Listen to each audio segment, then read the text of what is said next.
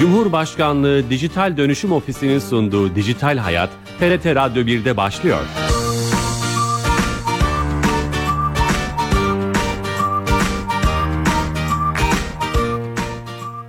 Herkese merhaba, ben Bilal Eren. Teknoloji ve dijitalleşmenin hayatlarımıza etkilerini ve sonuçlarını ele aldığımız Dijital Hayat programımıza hoş geldiniz.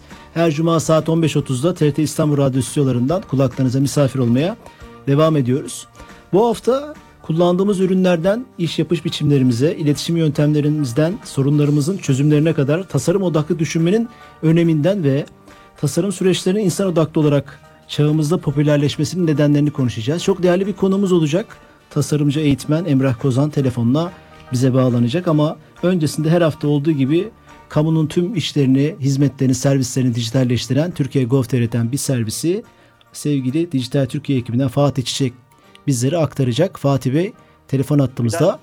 Fatih Bey. Bey merhabalar, iyi yayınlar diliyorum. Hoş geldiniz yayınımıza. Sağ olun, teşekkür ediyorum. Bu hafta hangi hizmeti servisi bize anlatacaksınız? Ee, bu hafta e, dinleyicilerimizin çok işine e, yarayacağını düşündüğüm bir hizmeti paylaşmak istiyorum. Lütfen.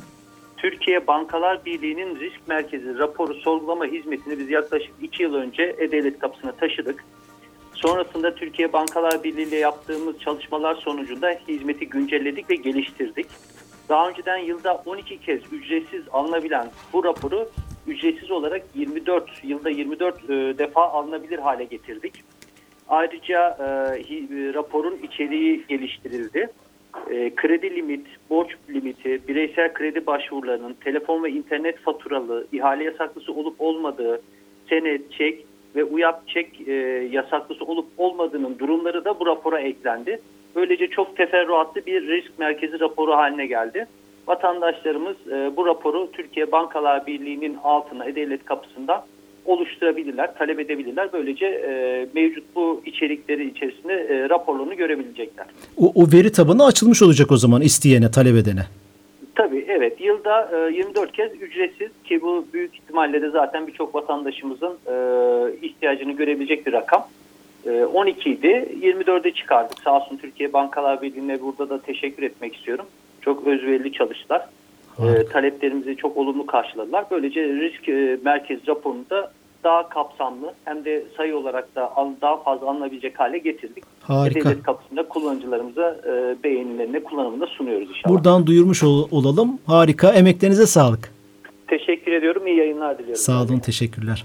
Evet, e, Dijital Türkiye ekibinden Fatih Çiçek'ten yeni bir hizmeti, yeni bir servisi Türkiye Gov.tr'den dinlemiş olduk. Yeni katılan dinleyicilerimiz vardı. Tasarım odaklı düşünme ve bu çağımızda, dijital çağda popüler, popülerleşmesinin nedenlerini konuşacağız. Emrah Kozan Bey telefon attığımızda. Emrah Bey, E, merhabalar. hoş Bilal geldiniz Bey. yayınımıza. Hoş bulduk. Çok teşekkürler. İyi yayınlar, iyi günler diliyorum. Çok herkese. teşekkürler. Öncelikle soralım, sağlığınız nasıl? E, çok teşekkürler. İyiyiz. Çok sağ olun. E, çok çok daha iyiyiz. E, herkese de sağlıklı günler diliyorum. Evet, Günlerde özellikle bugünlerde ilk en önemli sorulması gereken başlıca soru oldu. Ee, açılışta e, ifade etmeye çalıştım. Yaşam faaliyetlerimizin her alanında e, kullanılmaya başlandı bu düşünme sistemi bir felsefe olarak belki de ama ilk önce e, bunun bir tanımını, çerçevesini, kapsamını öğrenmek isteriz. Tasarım odaklı düşünce nedir? Hatta belki tasarım odaklı olmayan düşünce nedir? E, ikisini karşılaştırarak sizden rica ederiz. E, tabii ki e, şöyle e, tasarım odaklı düşünme yani bizim design thinking olarak bahsettiğimiz e, tasarımcı düşünme, tasarım odaklı düşünme ya da e, farklı şekillerde de isimlendirebildiğimiz aslında bir metodoloji. E, günlük hayatta aslında teknik noktada bir tasarımcının, herhangi bir tasarımcının, bir grafik tasarımcının, bir endüstriyel tasarımcının herhangi bir ürünü ortaya çıkartırken, herhangi bir tasarımı yaparken kullanmış olduğu basamakları ve kullanmış olduğu belli başlı teknikleri günlük hayattaki diğer problemleri çözebilmek için tasarımcı olmayan diğer insanlar için de kullanılabilecek aslında çok etkili, çok e, kıymetli bir metodoloji. 1980'lerle birlikte aslında e, popüler olmaya başlayan e, tasarımcıların kullanmış olduğu bu kıymetli, bu faydalı metodolojiyi ve ortaya çıkan ürünlerin aslında başarısıyla birlikte popülerlik kazanmaya başlayan hem günlük hayattaki problemleri çözmeye hem üretim tarafındaki noktaya değinen aslında çok kıymetli, e, temelde beş basamaklı e, insana e, merkezine alan, yine insan için değer ve içerik üretmeye çalışan çok kıymetli bir problem çözme tekniği olarak adlandırabiliriz. Hı hı. Bu popülerleşmesinin nedenlerini soracağım ama bu popülerleşmeden önce diğer düşünce sistemleri bir ürünü tasarlarken veya bir problemi çözerken her hay, hayatın her alanında olabilir. Ne, hangi e, problemler vardı ki böyle bir e, yeni düşünce sistemi e, popülerleşmeye, daha çok kullanılmaya başladı? Yani öncelikle aslında şöyle, e, öncelikle problem üzerinden gitmek gerekirse tamam. tasarım odaklı düşünce şu an e, çözemeyeceği, tasarım odaklı düşünceyle çözemeyeceğiniz bir problem türü yok. Çevremizde çok fazla problem var. Basit problemler, kolay problemler, zor problemler, daha kaotik problemler. Örneğin içinde bulunduğumuz pandemi çok büyük bir bütün dünyayı kapsayan bir problem. E, dolayısıyla bu tip problemleri çözebilmek için aslında çok farklı teknikler kullanılmaya e, kullanılıyor gün içerisinde de, üretim içerisinde de, toplum içerisinde de herhangi bir kişisel gelişim noktasına kadar da aslında çok farklı problem tekniği kullanıyoruz. E, Design Thinking'e gelene kadar evet birçok farklı alanda farklı problem çözme teknikleri vardı ama bunlar daha sistematik, daha teknik, daha aslına bakarsanız biraz ticari kalan ve insandan biraz uzaklaşan teknikler. Masaüstü aslına bakarsanız bizim tabir ettiğimiz masaüstü problem çözme teknikleri ve gerçek hayata çok da fazla e, indiğinde, insana indiğinde çok da başarılı olamadığı görüldükten sonra e, insan odaklı çözümlerin aslında başarısı ortaya çıktı. Zaten en güçlü tarafı, en büyük tarafı insanı baz alması, duyguları baz alması ve insandan ortaya çıkıp yine aslında insan için insandan başlayarak en kıymetli çözümü yine tekrardan insanla aslında ortaya çıkarmış olması bu açıdan kıymetli. Çünkü o zamana kadar birçok farklı mühendislik tekniklerini kullandık. Şimdiye kadar birçok farklı problem çözme tekniklerini kullandık ama e, bu kadar başarılı olamadılar. 1980'lerden sonra biliyorsunuz dünyadaki teknolojik gelişmeler ve dijital çağın aslında yükselmesi ve toplam kalite yönetiminin artmasıyla birlikte bir insana fokus, bir kullanıcıya fokus, bir müşteriye fokus durumu aslında yaşandı. Bu da belli ölçekte başarı mı arttırdı? Ürün e, üretiminden tutun da aslında teknolojik gelişmeler, problem çözdükleri sosyolojik birçok noktada herhangi bir hizmet ya da ürün üretiyorken kullanıcıyı baz alarak, insanı baz alarak, onun deneyim noktasını baz alarak, aynı zamanda örnekleme ve e, beyin fırtınası gibi çok farklı e, noktalardan beslenen bir teknik ve metodoloji kullanıldığında e, harika işlerin ortaya çıktı ve dünyanın değiştiği aslında görülmeye başladı ki biliyorsunuz 1980'lerle birlikte aslında dünya belli ölçekte bizim özellikle yaşadığımız günümüzün inşa edildiği dönemlerde e, o günden e, bugüne gelen bir fokuslanma var. Ülkemizde de yeni popülerleşmeye başladı ve çok farklı güzel işlerin yapmaya başladı. E, bu şekilde bir aslında e, katma değer, o zaman değeri var diyebilirim. Şöyle, şöyle olarak. diyebilir miyiz? Bu düşünme sisteminin sihirli kelimesi insan odaklı olması. Aynen öyle. E, insan odaklı yaklaşımın merkezinde yer alması ve merkezine insan alması diyebilirim kısaca. Bilmiyorum örnek olabilir mi? E, sosyal medyada paylaşımlar arasında görmüştüm. E, bir evden bir parka bir yol var. E, işte evet. o, o mühendisler o parka giden yolu e, kaldırım taşlarıyla çeşitli şekillerde o e, göstermişler, e, e, monte etmişler. Fakat insanlar o parka başka bir yoldan, daha kolay yoldan ulaşabilecekleri toprak üzerinden gidip daha kısa yolunu bulmuşlar. Orada da e, bu fotoğrafın sosyal medyada paylaşılan bu görselin birisinde tasarım odaklı düşünce o kısa yoldan bahsediyordu. Diğeri de başka bir düşünce yöntemi, tasarım odaklı olmayan evet, düşünme. Evet. Bilmiyorum e, siz de görmüşsünüzdür mutlaka. Evet, Böyle bir şeyden bahsediyoruz sanırım. E, sunumlarımda kullandığım bir görsel. Biz UX dizaynı da anlatırken aynı görseli kullanırız. Yani kullanıcı bir şekilde kendi yolunu, kendi aslına bakarsanız çözümünü kendi kendine buluyor. E, Design Thinking'in içerisinde kullanıcı deneyimi tasarımı da var. İşte bizim Agile dediğimiz çevik yaklaşım çözümleri de var. Aslında birçok farklı e, metodoloji ve tekniği, bilimsel tekniği kapsayan bir nokta. Ama özünde e, insan için üretilmiş olan ve insandan e, anahtar alıp yine onun için onunla birlikte bir çözüm üretmeye yakın bir metodoloji olduğu için e, bu kadar başarılı olduğunu çok rahatla söyleyebilirim. Yani e, günümüzde kullanıcı odaklı olmayan, müşteri odaklı olmayan, insanın temel ihtiyaç ve isteklerini tam olarak anlamayan, hatta hissetmeyen hiçbir ürün, hiçbir hizmet e, yeter, yeterli ölçekte başarılı olamıyor. Günümüzde insan ilişkilerinden tutun aslında birçok noktaya evet. kadar thinking çok rahatlıkla e, yayabiliriz diyebilirim bu bağlamda. E, aslında bu çerçeveden sonra örneklerle hem temel özelliklerini hem hangi alanlarda kullanılabileceğini, kullanıldığını hı hı. böyle örneklendirebilir miyiz? Hani daha iyi anlamak için. Tabii ki ben aslında şöyle başlıyorum. Ee, hani e, kitapta da özellikle bu, bu üzerine çok fazla değindiğim nokta burasıydı. Yani başlangıç noktası insandı. Öncelikle insanı anlayarak aslında yolculuğa e, çıkmak gerekiyor. Çünkü teknolojik gelişmeler, e, çevremizdeki sosyolojik değişimler insan hayatını, insan alışkanlıklarını değiştirdi. İnsan oğlu 200 yıl önceki insan oğlu değil. E, bir yandan gelişti aslına bakarsanız belli başlı ölçekte ama bir yönden de aslına bakarsanız belli başlı yetenekleri kaybetmeye başladı. Ve problem çözme yeteneklerini kaybetmeye başladı. Aslında hepimizin içerisinde var olan, mağara döneminden bugüne kadar var olan e, temel kıymetli bir dürtüden bahsediyoruz. Design thinking hepimizin içerisinde aslında var olan ve her gün günler gün içerisinde binlerce yüzlerce kez belki de uyguladığımız metodoloji. Evimizden işe giderken mutlaka bir çözüm kullanıyoruz. Bizim için alışveriş yapmak, işte pandemi saatinde eve gitmek, e, alışveriş yapmak, hafta sonu planlamak bunların hepsi bizim için birer küçük küçük problemler. Günlük hayattaki problemlerin dışında çok büyük problemleri çok rahatlıkla biz aslında gün içerisinde defalarca thinking'de çözüyoruz. Kıymetli yapan şey de şu, özellikle teknoloji firmalarının çok yoğunlukla kullanıp daha sonra üretimde aslında yaygınlaşmaya başlayan bir teknik. Ee, özellikle e-ticaret firmaları çok fazla yoğun bir şekilde bu dönemde kullanıyor. Ee, teknoloji firmaları yani dünya devi şirketleri de işin içerisine katacak olursak şu an kullandığımız bütün teknolojik ürünler, e, e, kullandığımız telefonlar, hani aslında radyo bile temel ölçekli bir design thinking ürünü diyebiliriz. Çünkü iletişim, iletişim ihtiyacımızı bizim istediğimiz şekilde işte ses duyarak, yine bizim duygumuzu ve düşüncemizi hitap ederek aslında çözmeye, çözmeye e, başlıyor. Beş tane basamağı var temel ölçekli Stanford Üniversitesi'nin açıkladığı e, yöntemle aslında bakarsanız ve birinci basamak empati basamağı. Yani ne yaparsanız yapın, duyguya odaklanın, içerideki hissiyatı, duyguyu anlayın diyor design thinking. Empatiyle başlarsanız, duyguyu anlarsanız o probleme kayıtsız kalamazsınız. Örneğin bir engelli arkadaşımızın bir problemini çözeceksiniz. O problemi çözmeniz için onun yaşadığı bütün problemleri, onunla aynı hissiyat ve duyguyu birebir tadarak aslına bakarsanız anlamaya çalışmanız lazım. Bu problemi bu şekilde keşfettiğinizde ve anladığınızda o probleme kayıtsız kalma şansınız olmuyor. Dolayısıyla ikinci aşamada problemi tam olarak tanımlamanız gerekiyor. Design thinking'in ikinci aşaması tanımlama aşaması ve bu noktada problemi her açıdan inceleyerek, işte personel oluşturarak, farklı şekilde bilimsel araştırmalar yaparak, gözlemler yaparak problemi tam açıklığıyla tanımlamamız gerekiyor. Yani doğru soruları sormak gerekiyor. Doğru soruları sormadan doğru çözümleri bulamayız der design thinking. Keza aynı şekilde öyle e, ve tanımlama aşamasında bize doğru soruyu, doğru problem tanımını yaptırmaya hedefler. Bu iki basamaktan hemen sonra zaten fikir aşaması gelmeye başlıyor. Zaten istemsizce doğal bir süreç. Siz bir problemi empati olarak, duygu olarak hissettiniz.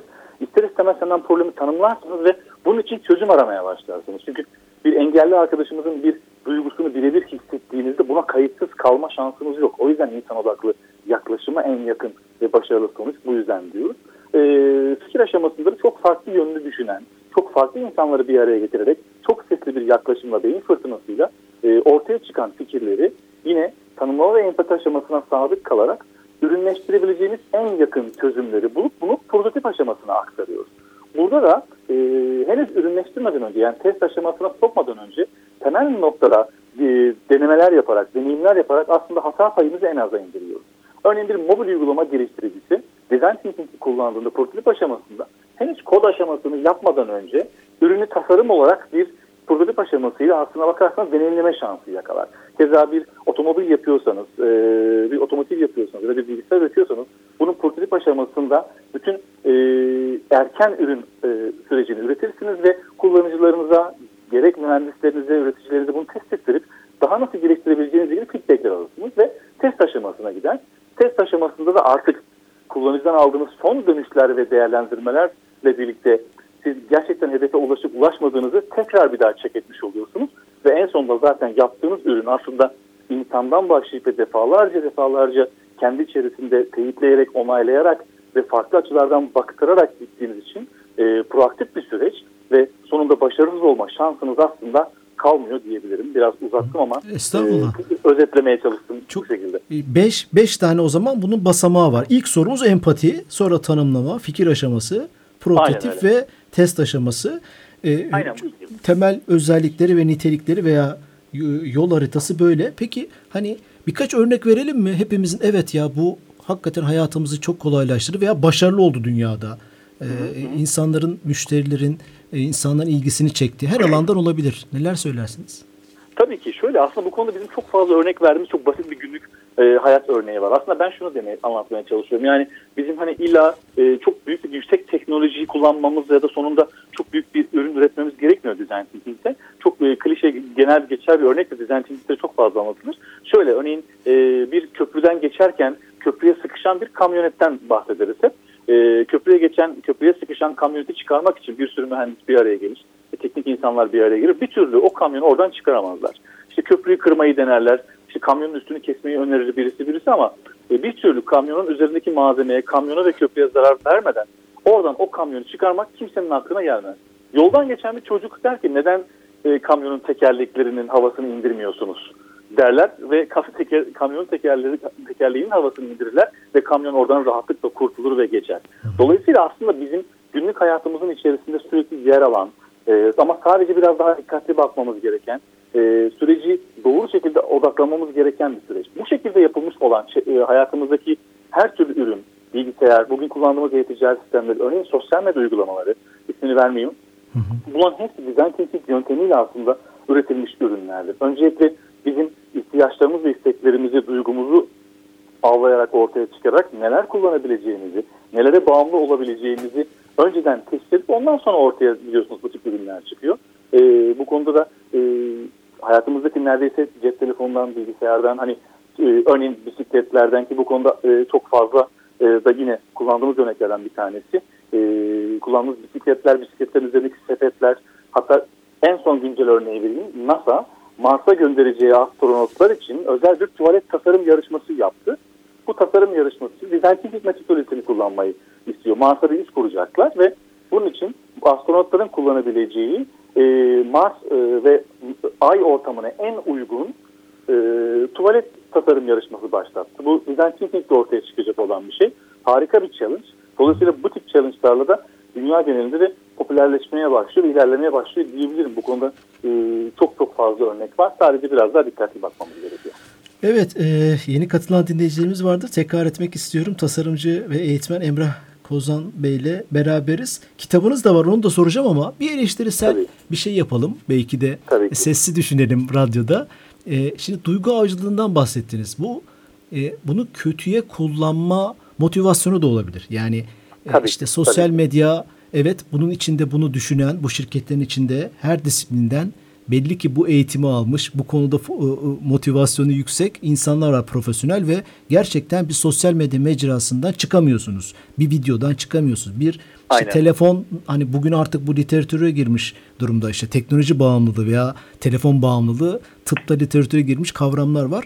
Demek ki bu duygu avcılığının da bir sınırı olması lazım. Bunu nasıl acaba burada bu, bu açıdan baksak e, e, design thinking yani tasarımsal düşüncenin birinci aşamasında problem olabilir mi? Oluyor mu veya?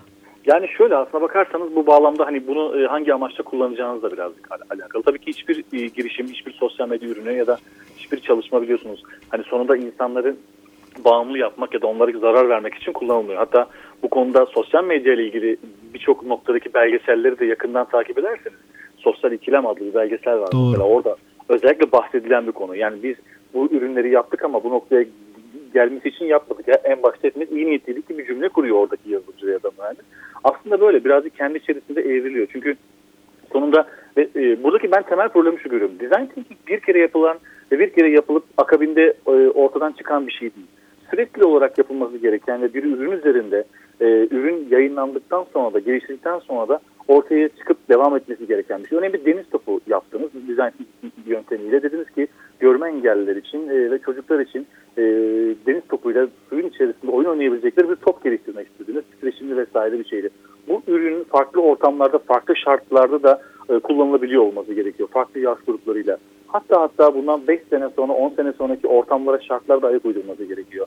Birazcık e, teknoloji tarafında kaçırılan nokta burası. Yani insandan uzaklaşıldığında, design thinking'den uzaklaşıldığında e, bugünkü zararlı noktalara gelinebiliyor. Yoksa sürekli olarak siz design thinking'i, tasarım odaklı düşünceyi, insan odaklı yaklaşımları kullanıyor olsanız e, bu bağlamda ürettiğiniz hiçbir ürünün sonuçta sizin empati kurup doğru noktalara odaklanıp insana zarar e, vereceğini ben sanmıyorum açıkçası. Evet tasarladığımız şeyin veya planladığımız programını yaptığımız şeyin bir süre sonra insanlara zarar vermeye başlıyorsa demek ki hemen o değiştirebilme yeteneğine de gücüne de motivasyonuna da sahip olmak Aynen lazım. Öyle. İnsan odaklıysa. En, Aynen en kıymetli tarafından bir tanesi şu. Sürekli olarak siz tekrar bu yani kesinlikle baştan sona bir kere bırakmanız gereken bir süreç değil. Tekrar tekrar başa dönüp tekrardan empati sürecinizi, tamamlama sürecinizi değiştirip fikir aşamasını değiştirip ara ara kendi içerisinde esnek olarak e, sürekli olarak çalıştırılması gereken bir süreçtir. UX design de keza böyle. Biliyorsunuz Facebook ya da hani şu an kullandığımız sosyal medya uygulaması hiçbiri ilk yayınlandığı haliyle değil. Doğru. Sürekli gelişiyor, sürekli değişiyor. Bu da temel istek ve ihtiyaçlar doğrultusunda sürekli olarak değişmeye devam edecek. Yani insan değiştikçe, insan istek ve ihtiyaçları, algıları değiştikçe, dünya değiştikçe e, kullanacağımız ürünler de değişecek. Kullanacağımız, hani karşılaşacağımız problemler de değişecek ve bu problemlere her gün yeni yeni çözümler aramamız gerekiyor. Ve daha kalıcı etkin çözümler üretmek için insana en doğru, en çok yakışan, insanın onuruna en çok yakışan çözümler üretmek için sürekli aslında design thinking kullanmamız gerekiyor. Çünkü e, bugün insana zarar veren her ürün evet başta iyi niyetli design thinking ile başlamış olsa da, insan odaklı başlamış olsa da sonrasında bu ölçekten kopulup aslında para odaklı, çıkar odaklı ya da farklı odaklı bakılmaya başlandıktan sonra aslında işlerin değiştiğini çok rahatlıkla söyleyebilirim. Şöyle yapabilir miyiz o zaman Emrah Bey? Tabii. Altıncı madde olarak da eğer zarar veriyorsa başa dön ve tekrar bu işi dizayn et. Belki bir altıncı nitelik özellik olarak. Örneğin şimdi siz e, anlatırken düşünüyorum insansız araçlar. Şimdi bir bazı şirketler bu konularda çalışıyor. E, Aynen. muhtemelen de başarılı olacak ama sanki e, bunun zararlarını da göreceğiz. E, bir süre sonra zararı faydasından daha fazla olacak bir aşamaya gelirse bunu iptal edebilme, bundan vazgeçebilme. Tabii bunu o şirket yapmaz belki ama işte hukuk yapar mesela örnek veriyorum. Böyle bir mekanizma da kurmamız gerekecek yani insan odaklı tasarım için belki. Ne Yani dersiniz? ö- öyle hani ama tekrar söylüyorum siz eğer gerçekten design thinking'i bir kere e, yapıp bir kereye mahsus ortaya bir ürün çıkardınız ve sonrasında bu ürünün her seferinde gerçekten insan duygu ve düşüncelerine yani insana empatisine hizmet edip etmediğini kontrol etmeniz gerekiyor. Yani o aslında o zaman design thinking olmuyor. Yani tasarım odaklı düşünce yöntemiyle bir şey çözmüş olmuyorsunuz. Yoldan çıkmış oluyor o noktadan sonra. Yoldan İnsan- çıkmış oluyor. insan hava araçları yaptınız. Bunu insana faydalı olsun, insanlara hizmet etsin diye yaptınız. Ama başka amaçla kullanıyorsunuz. Ee, insanlara zarar veriyorsunuz. Aslında o noktada insanla e, gerçekten hedef kitlenizle, kullanıcınızla, o insanla e, empati noktasını kaçırmış oluyorsunuz. Empati bağınız kopmuş oluyor. Empati aslında bir bağ kuruyor size. Doğru. Ve bu bağ da sizin oradaki istek, ihtiyaçları ve duyguya sadık olmanızı getiriyor. Dolayısıyla bu bağı kopardığınızda evet bir süre sonra o ürün e, sizin gerçekten empati kurduğunuz insana zarar veriyorsa sosyolojik olarak, fizik olarak aslında o e, design thinking sürecinden çıkmış oluyor. Örneğin engelli bir arkadaşımız için bir tekerlekli sandalye ürettiniz.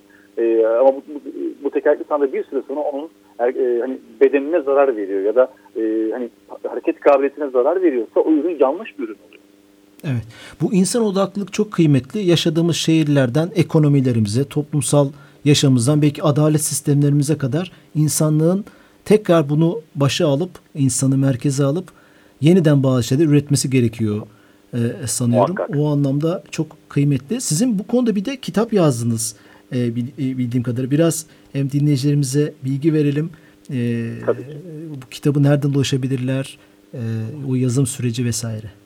Tabii ki şu an e, kitap iki ay önce çıktı. Ben e, uzun yıllar e, hem de grafik tasarım eğitmenliği hem arayüz tasarımcılığı yapmış ve 11 saatten fazla da aslında tasarım eğitmenliği yapmış bir e, bilişim uzmanıyım sektörde. Bu bağlamda hem teknik tarafta hem de eğitim tarafında olduğum için hem hoca gömleğim olduğu için e, hem de teknik tarafta olduğum için bu konuda Türkçe kaynak eksikliğini çok fazla ben de ihtiyacım hissettim ve e, bilgisayar öğretmenliği yaptığım dönemde kullanmış olduğum ve tanıştığım bu teknik metodolojiyi e, yaklaşık 10 yıldır da benim hayatımda design thinking kendi dilimden e, Türkçe olarak e, aslında yazmaya çalıştım. Ki alanındaki tek ve ilk Türkçe kaynak oldu yanılmıyorsam şu an için. İki ay önce çıktı. Abakış kitaplarından çıktı. E, Abakış kitaptan alıp bulabilirsiniz. Şu an birçok noktada online satışta birçok mağazada e, Google'layarak da ulaşabilirsiniz. E, bir iki ay içerisinde tüm e, fiziki olarak mağazalarda e, şu an isim vermeyeyim e, bulup ulaşıp arayabilirsiniz. Google'ladığınız zaman zaten e, birçok noktada Design Thinking Tasarım Odaklı Düşünce isimli kitabı bulabilirsiniz. Ben bir de tasarım odaklı düşünme değil de tasarım odaklı düşünce demeyi e, tercih ediyorum. Çünkü daha pozitif geliyor bana. Hani sonuna biliyorsunuz Türkçemizin azizliği var. Olumsuz bir şey düşünce de katabiliyor. O yüzden e, sürekli olarak tasarım odaklı düşünmemiz gerekiyor diye düşünüyorum. Çünkü e, geleceğimizi inşa ederken biraz önce bahsettiğimiz konu bence çok kıymetliydi. Yaptığımız ürünlerin her zaman her zaman insana hizmet etmesi gerekiyor. E, başka şeyler hizmet ettiğinde evet o insana odaklı bir iş olmamış oluyor diyebilirim.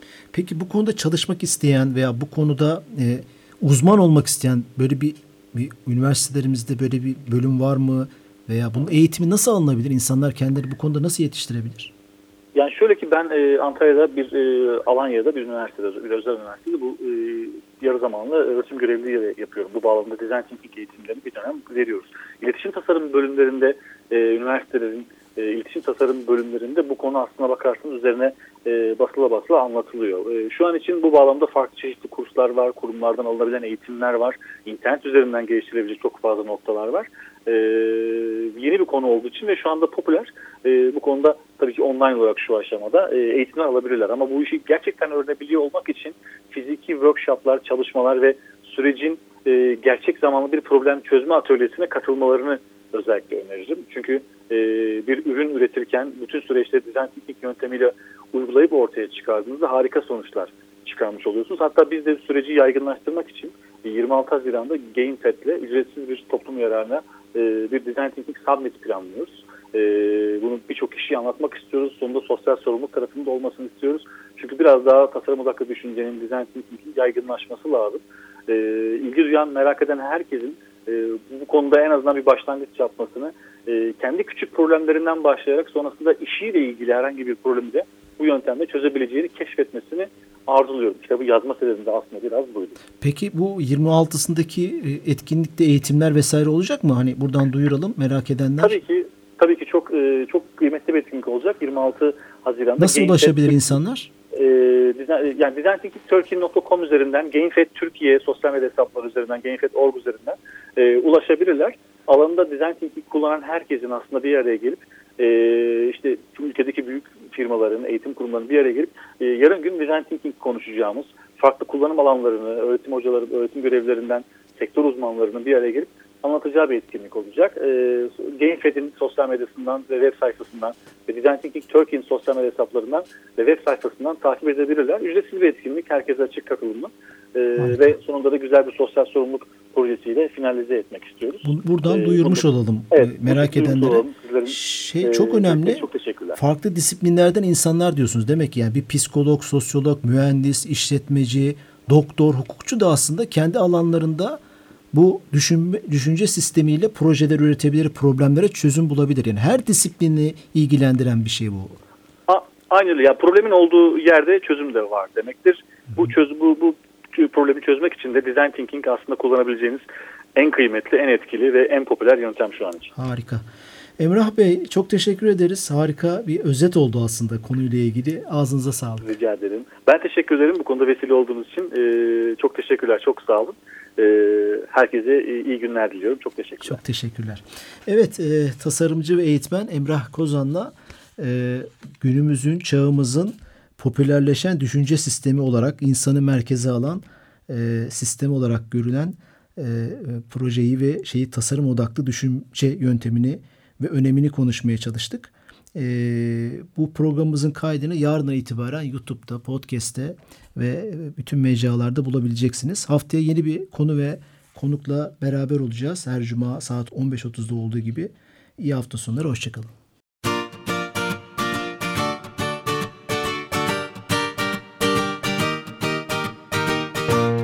Cumhurbaşkanlığı Dijital Dönüşüm Ofisi'nin sunduğu Dijital Hayat, TRT Radyo 1'de sona erdi.